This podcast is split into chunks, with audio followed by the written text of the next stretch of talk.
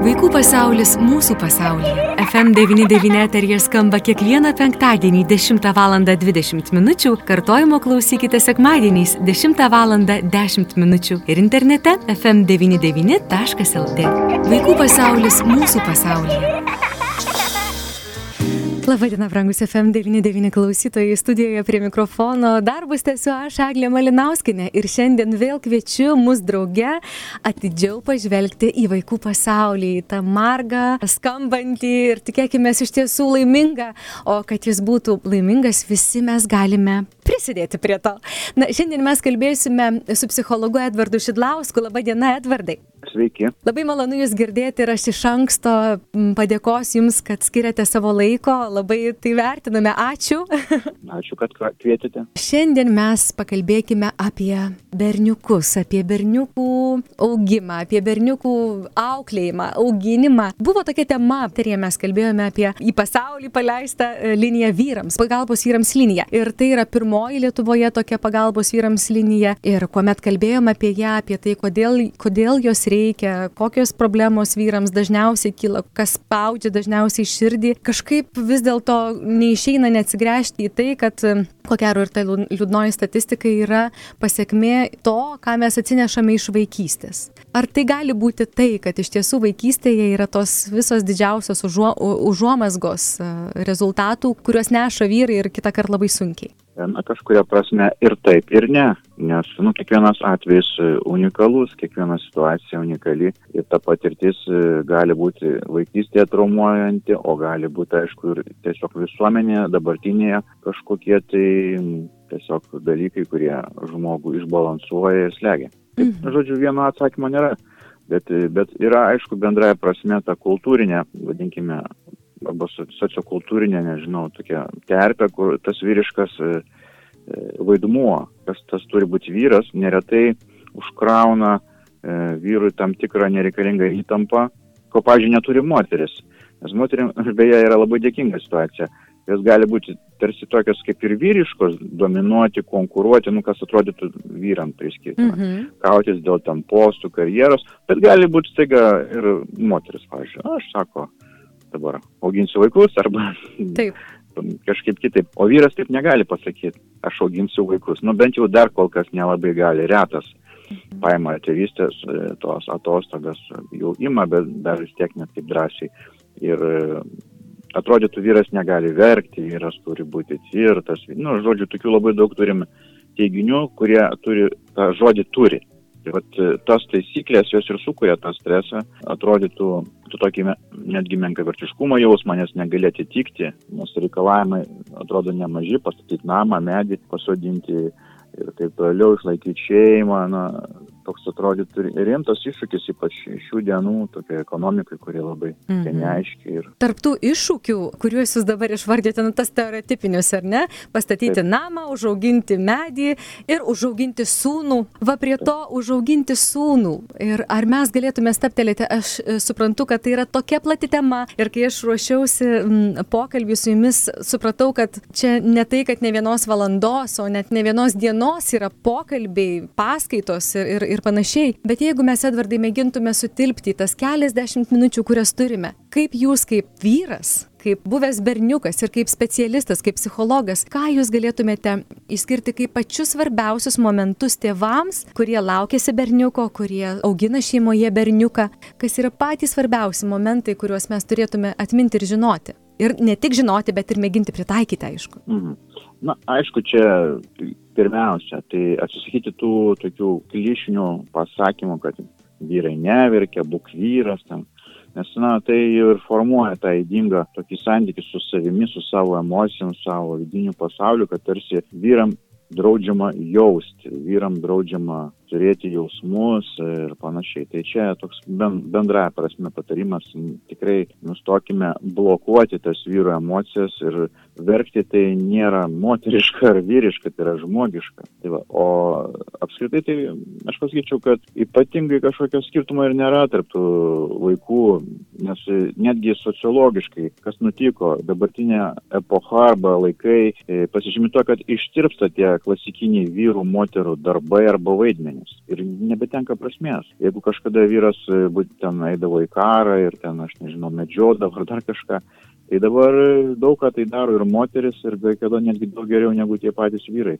Nors net tai priklauso nuo asmenybės, nuo asmens konkrečių atveju, aš manyčiau, negu nuo lyties. Tai tiesiog auklėjimas ir būtų, kad e, šiaip aš, e, kiek atsimenu, vieną tokią psichiatrą man labai patiko, keturi auklėjimo stiliai išskiriami, trys įdingi ir vienas e, tinkamas. Tai, mhm. ta prasme, aš ir agituočiau to laikytis, kad reiškia tie įdingi. Tai kai vaikas kažką netaip daro, mes kartais puolame kritikuoti, kad tu netaip darai tu, tu daryk šitai.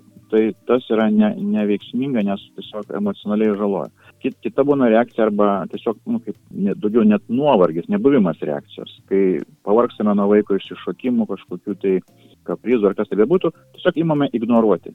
Tai irgi yra emocinio psichologinio smurto forma ir yra žalinga.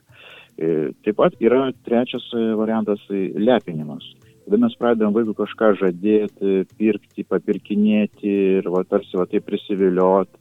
Tai, tai formuojasi nuostata, kad e, pasaulis man kažkas skolingas, aš esu kažkuo labai ypatingas, apie mane visi turi šakinėti, man nereikia pačiam jokių pastangų. Tai, ir tas va, ketvirtas stilius, taip vadinamas auklėjimo, kuris jau būtų ir geras, sakykime, arba net vienintelis teisingas, tai yra palaikymas, kada kažkokie tai yra iššūkiai, visada yra kiekviename raidos etape vaiko berniuko ar mergaitės, nesvarbu, ir kiekvieno saugusio žmogaus etape visada kažkokie yra iššūkiai ten. Tai tiesiog palaikyti, sakyti, taip, tu suklupai, čia tau bus sunku, bet bandyk dar, tu gali, aš tikiu, kad tau pavyks. Ir va tai yra va, tas auklėjimas, taip ir ūglas, ir ta valia, taip vadinama, visi gali būti ir pas vyrus, ir pas moteris vienodai. Prasme, ir tos reikiamos savybės gyvenimui tiesiog adaptyvios, kad įveiks sunkumus, o ne kažkaip nuo jų bėgti ir tiesiog bandyti dar. Mhm. Va, tai tas palaikymas, paskatinimas, prieimimas e, yra geriausia auklėjimo strategija. Va, net neišskiriant berniuką ir mergaitės. O tų stereotipinių, kaip minėjau, vaidmenų nebelieka arba jų vis mažėja tokių socialiniam gyvenime. Šeimos gyvenime taip pat mes turim tokį demokratinį modelį dabar kaip patolonai, kad yra lygiai vertė tokia partnerystė, kai nėra kažkas aukščiau, ten kažkokia galva, kita kaklas, ten kaip, kaip mm. tie mhm. anegdotai visokie. Abu yra galvos ir netgi einam prie to, kad ir vaikus įtraukti į tą šeimos tarybą ir, ir kad jie galėtų dalyvauti jau kaip mokytis to suaugusio gyvenimo irgi tarti, spręsti problemas mhm. o ne būti tik kažkur nustumiami kaip vykdytojai. Na, bet e, Edvardai, situacija visgi yra tokia, kad na, dabar taip e, modernėja šeimos ar ne gyvenimas jis keičiasi ir tas lygiai teisiškumas ir tolerancija ir daug tokių gerų dalykų šeimose iš tiesų, bet na, mes turime tą statistiką, kad net ir tos pagalbos linijos jos reikia. Moterys psichologiškai, na, pagal bent jau statistiką žiūrint, jos yra stipresnės, tvirtesnės, labiau atsilaiko. Vyrų savižudybės, priklausomybės, tokie dalykai kaip greičio viršymas, azartiniai žaidimai, narkotiniai, sakyčiau, dalykai, na, nekalbant apie medžiagas narkotinės ar ne, bet toks noras, gal azarto, balansavimas tarp to išliksiu, neišliksiu. Vis dėlto vyram yra dažnesnė nei moteriams. Berniukams taip pat ko gero, ar ne? Taip, jūs visiškai teisi. Ir tai, kad e, moteris stipresnės, tai liūdija tikrai statistika ir tai yra faktas, kad moteris yra stipresnės valios mhm. negu vyrai. Tas yra paradoksas. Matyt, gamta gal apdovanoja, ar kažkaip yra, kad tie gimdymo skausmai ir panašiai yra moteris tvirtesnė, moteris yra stipresnė. Aišku, emociškai dažnai moteris yra brandesnės, jos jautresnės ir kažkaip daugiau mato netgi spalvų, čia fiziškai, kiek žinau, negu vyrai ir, ir tą pasaulį labiau jaučia. Ir matyti, tai yra moters stiprybė, nes vyras, dažnas vyras yra mažiau jautrus arba yra kaip tie jausmai užslopinti. Taip. Tai, tai vienas mhm. momentas. Tai dėl to jiems reikalinga pagalba, nes tai iš to ir tos, vadinkime, neurozės, įvairūs psichologiniai mm, sutrikimai arba elgesys susiminėtas, pavyzdžiui, rizikingas vairavimas, vairavimas išgerus arba išgerus einama maudytis ir taip toliau. Nu, ta visą tokia drąsa, netikra drąsa. Ir vat jie kyla, aš kažkada irgi esu tai nagrinėjęs, iš kur kyla nu, tokia netikra drąsa arba taip savęs naikinimas, sakykime, su priklausomybė, azartinis žaidimas, čia tas pats yra. Iš principo, man atrodytų. Tai yra ta, tam tikra prasme kažkoks tai menkavertiškumas, net ne kažkoks, o negebėjimas vat, arba neradimas savęs, negebėjimas rasti vietos pasaulyje, nes jis tarsi pasikeitė Liktai jau dabar vat, ta vadinama lygybė tokia arba, kaip minėjau, tokių vaidmenų susiniveliavimas, aš pasakyčiau, nes čia dažnai sako, va, vyrai moteriškėja arba moteris vyriškėja. Aš sakyčiau, ne, tiesiog e, ištirpsta tie vaidmenys ir jie vienodėja žmonės kaip tokie.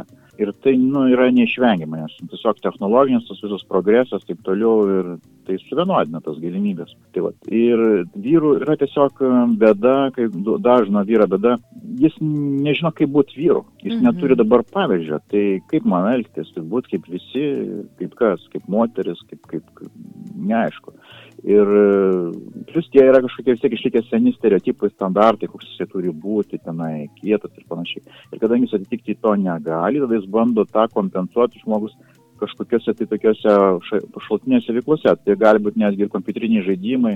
Labai dažnai dabar nutinka tokia bėda, moteris skundžiasi, kad jų vyrai kaip maži vaikai žaidžia ten tankais kažkokiais. Taip. Nors jam 40 plus.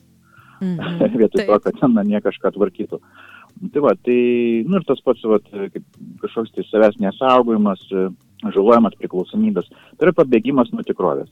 Taip jau paprastai. Mhm. O, kod, o kodėl, reiškia, jis tikrovė žmogus neįgalus įsikabinti į ją, jis neranda vietos arba neturi gebėjimų atitikti kažkokius tai tikrovės reikalavimus. Tikrovėje nugalėti tos tankų mūšius kažkokiu būdu. Prasme, jis neturi tų, tų mūšių arba jis negali jų laimėti. Dabartinėje visuomenėje ir dėl to jis pasirenka kažkokį primityvų žaidimą, kur kompensuoja arba tą pačią priklausomybę, arba ten kažkokius rizikingus būdus, kuris gali tarsi pasijusti vyru. Ir va tas, va, kuo daugiau žmogus kvailai, va, tarkim, rizikuoja, tuo galima sakyti, jis didesnį jaučia nerimą dėl kažkokio menkavertiškumo, čia taip galima spėti. Tai, o tas kyla iš tų nedekvačių lūkesčių, kažkokių savo išsikeltų arba įkalbėtų ir galimybių. Tai yra savotiška tokia kultūrinė trauma. Tai netgi yra kai kurie psicholitikai senai pastebėję, psichoterapeutai, versus kad e, psichologinės lygos tai dažniausiai yra kultūrinis poveikis, kaž, kažkokios tai neadekvačios normos arba lūkesčiai arba stereotipai, kurie žaloja šiuo atveju vyrus per jų tą silpnumą tarsi tariamą. Mm.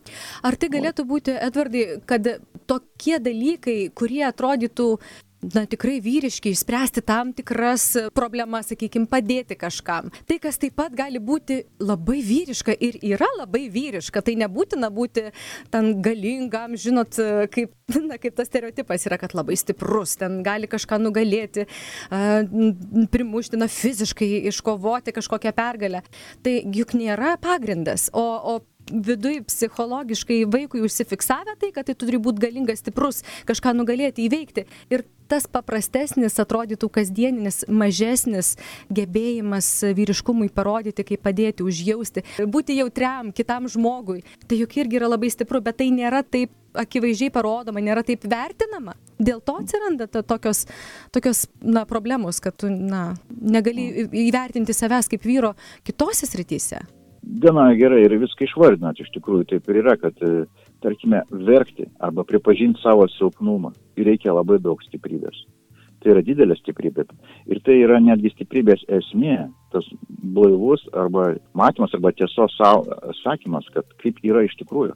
Nes kada aš apsimetu, jog aš kažką galiu daugiau, esu kažkas daugiau negu esu, aš nesikeičiu, aš toks ir lieku. Tai yra silpnumo savotiškas pamatas o pripažindamas tą savo negebėjimą aš vėl galbūt at, atsidarau savo kelią kažkaip save vystyti. Bet šiaip atsakymas būtų paprastas. Tiesiog pavyzdys šeimoje, kaip tas pats elgesi tėtis arba šeimoje esantis tiesiog vyrai ar artimiai šeimai, vyrai, mokytojai, nežinau, ten burelio vadovas, tai treneris, bet kas gali būti, kaip jie elgesi gyvenime ir kaip, jie tą stiprybę išreiškia.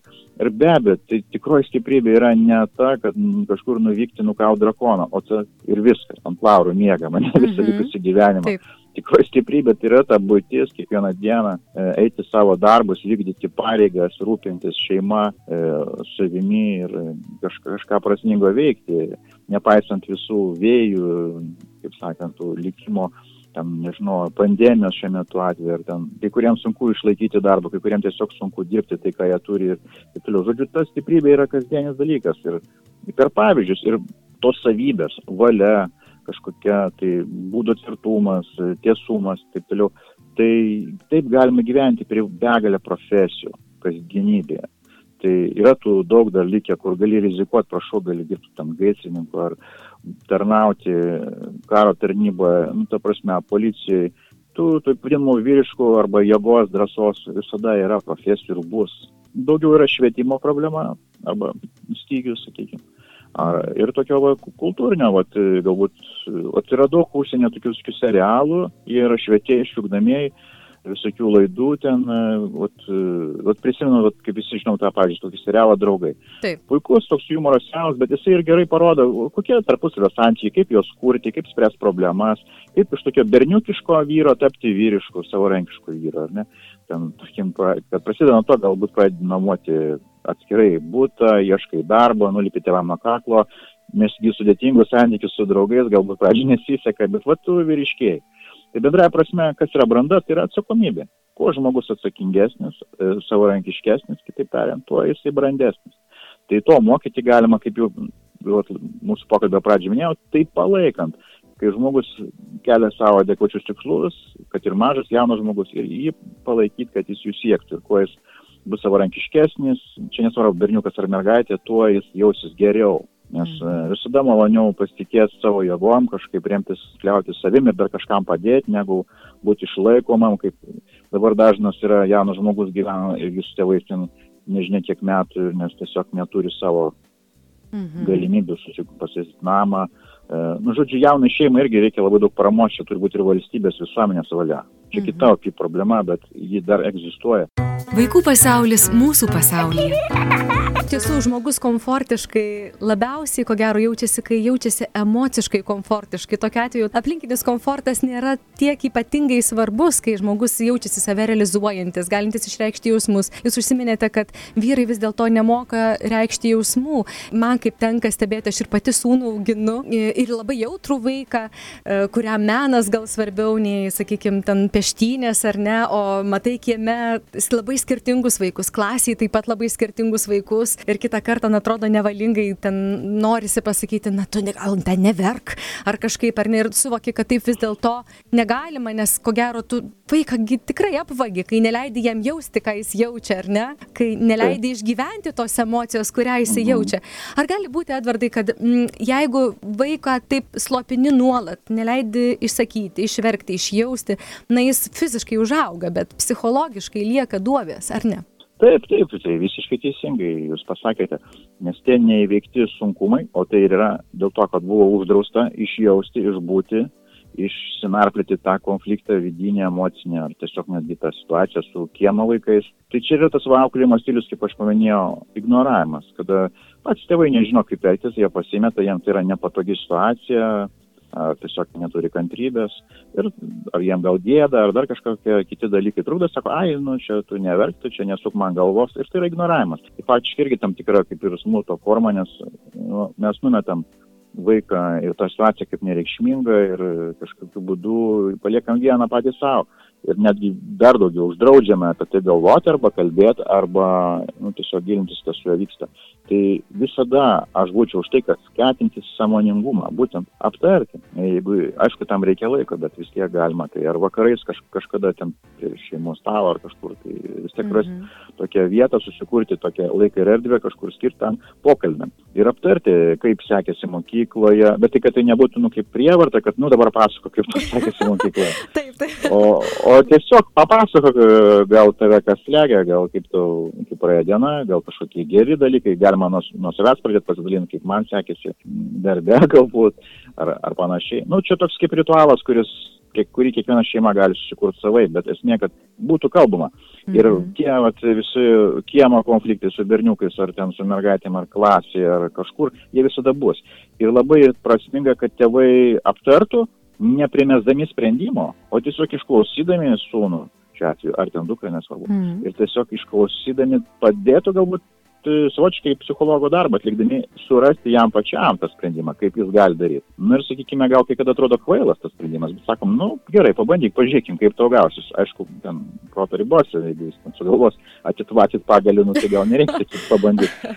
Bet, sakykime, galima paklausti, o kaip dar? Kaip dar galėtum spręsti šitą problemą? Su, su ten kokiu Petru, kuris ten nedu, nepasuoja to, pavyzdžiui, futbolą žaidžiant, nu, mm -hmm. Jonui pasuoja savo draugui. Tai kaip, kaip tu manai, kaip galim pamėginti dar išspręsti?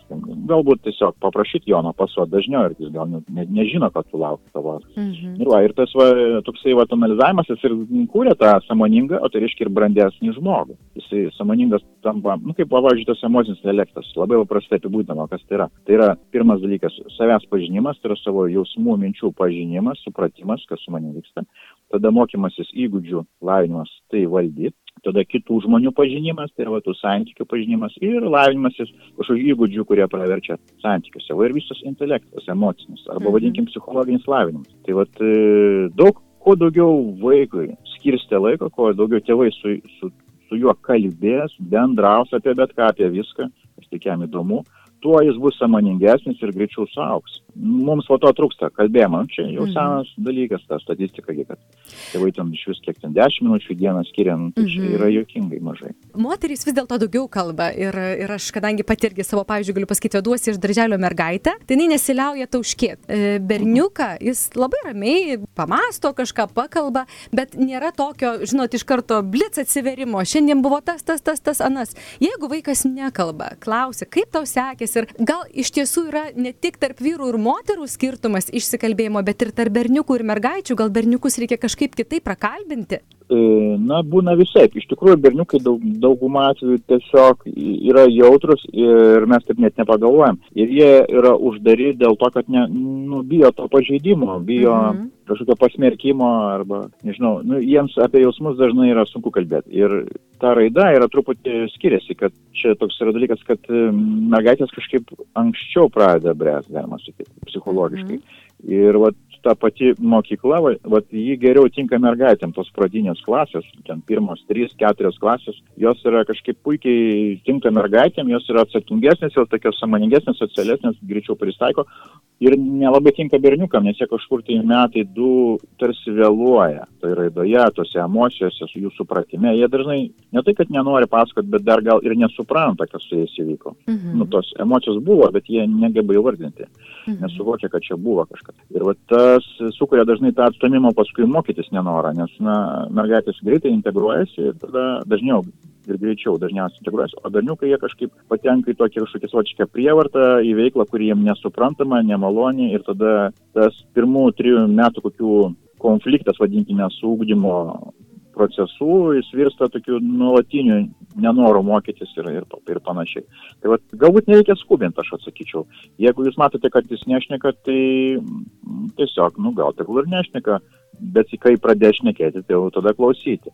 Kitas dalykas, pavyzdžiui, aš kaip konsultuodamas e, susiduriu tai, kad nešneka būna ir berniukai, ir mergaitės. Tai čia tiesiog kaip žmogaus tipas, vieni daugiau, pavyzdžiui, gal intravertai, kiti ekstravertai, ne? Mhm. Arba vieni iš vis, nu, psichologiškai neraštingi, nesupranta, kas ta emocija, arba kur aš pykstu, jis negali pasakyti, kur aš džiaugiuosi, net neskiria kaip tokių elementarių dalykų. Mhm. Tai aš, pavyzdžiui, bandau prakalbinti ir visai gerai sekasi per kažkokius tai žaidimus, per paveiksliukus, pavyzdžiui, yra ten tokių visokių dabar prikurta, paveiksliukų su emocijom, ten kokie nors debesėlį, šypsosi liūdni ten ir pikti ir va, sakai, kaip tu jauties, tas, tas ar tas debesėlis. Ir sako, va šitas, va, matom, kad jisai pyksta. Bet pabandyk sudėlioti iš tų paveiksliukų, kas šiandien įvyko, pavyzdžiui, kokia tavo diena. Jis ten sudėlioja, pavyzdžiui, ten saulėta, ten kokia nors graži diena, ten kokie linksmi jaunuoliai žaidžia ir panašiai.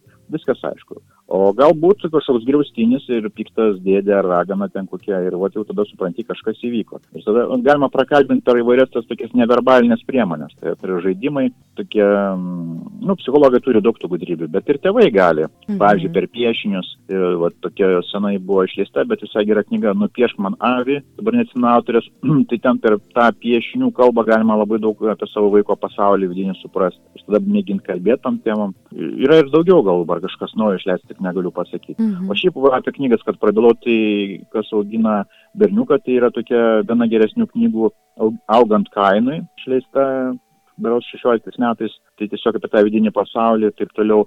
Dar senesnė yra tokia knyga Geležinis Džonas, tai va būtent apie tos stereotipus ir tapimą vyrų, labai sveika paskaityti.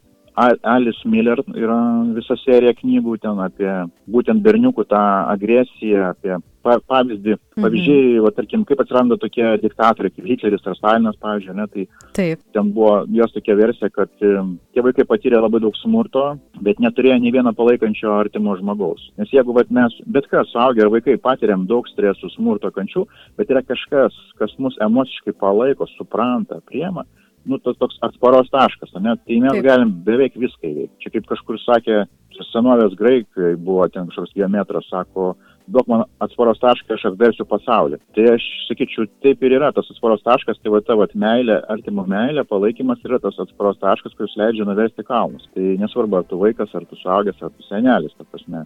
Žmogui reikia žmogaus, trumpai tariant. Ir mhm. jeigu tas yra, tai, tai galim nuversti kalnus, galim įveikti viską. Ir to streso tada kuo daugiau, tuo geriau mes, kaip sakant, tampam tik stipresni. Mhm. Bet vat, paliekant, palikdami, nu jeigu vieni, kaip sakant, su visais tais iššūkiais, tai va tampam tokiais staliniais paskui, keršėjom visiems. Sakoma, kad e, kokia buvo tavo vaikystė, kokie buvo santykiai su tėvais, tai labai didelė tikimybė, kad na, didelį procentą to perkelsi į savo šeimą, santykiai su savo vaiku. Be abejo, nes mes kaip mhm. žmonės, kaip padarai, sakykime, turime vieną iš tokių savybių mokytis stebėdami. Mhm. Apskritai gyvenime. Mokomės stebėdami. Būdami vaikai išmokstame daug dalykų nusižiūrėję nuo suaugusių. Tai vat e, vienas dalykas. Aišku, sugeriam tos tėvų santykius kaip pavyzdį, koks jis turi būti. Arba nesugeriam, jeigu jų nėra iš vis. Ir po to tokiem žmonėm, kurie užauga nedarniose šeimose arba ten iš vis e, neaišku kaip, tai labai sunku užmėgti paskui santykius. Mhm. Nes jie nežino, kaip užmėgsti, nežino, kaip uh, juos palaikyti ir nežino, kaip nutraukti, jeigu yra netinkami. Tai beje, ta tema irgi yra puikių, puikių knygų. Ir va dabar prisiminiau, yra tokia labai garsi knyga, vadinasi Suaugę alkoholikų vaikai.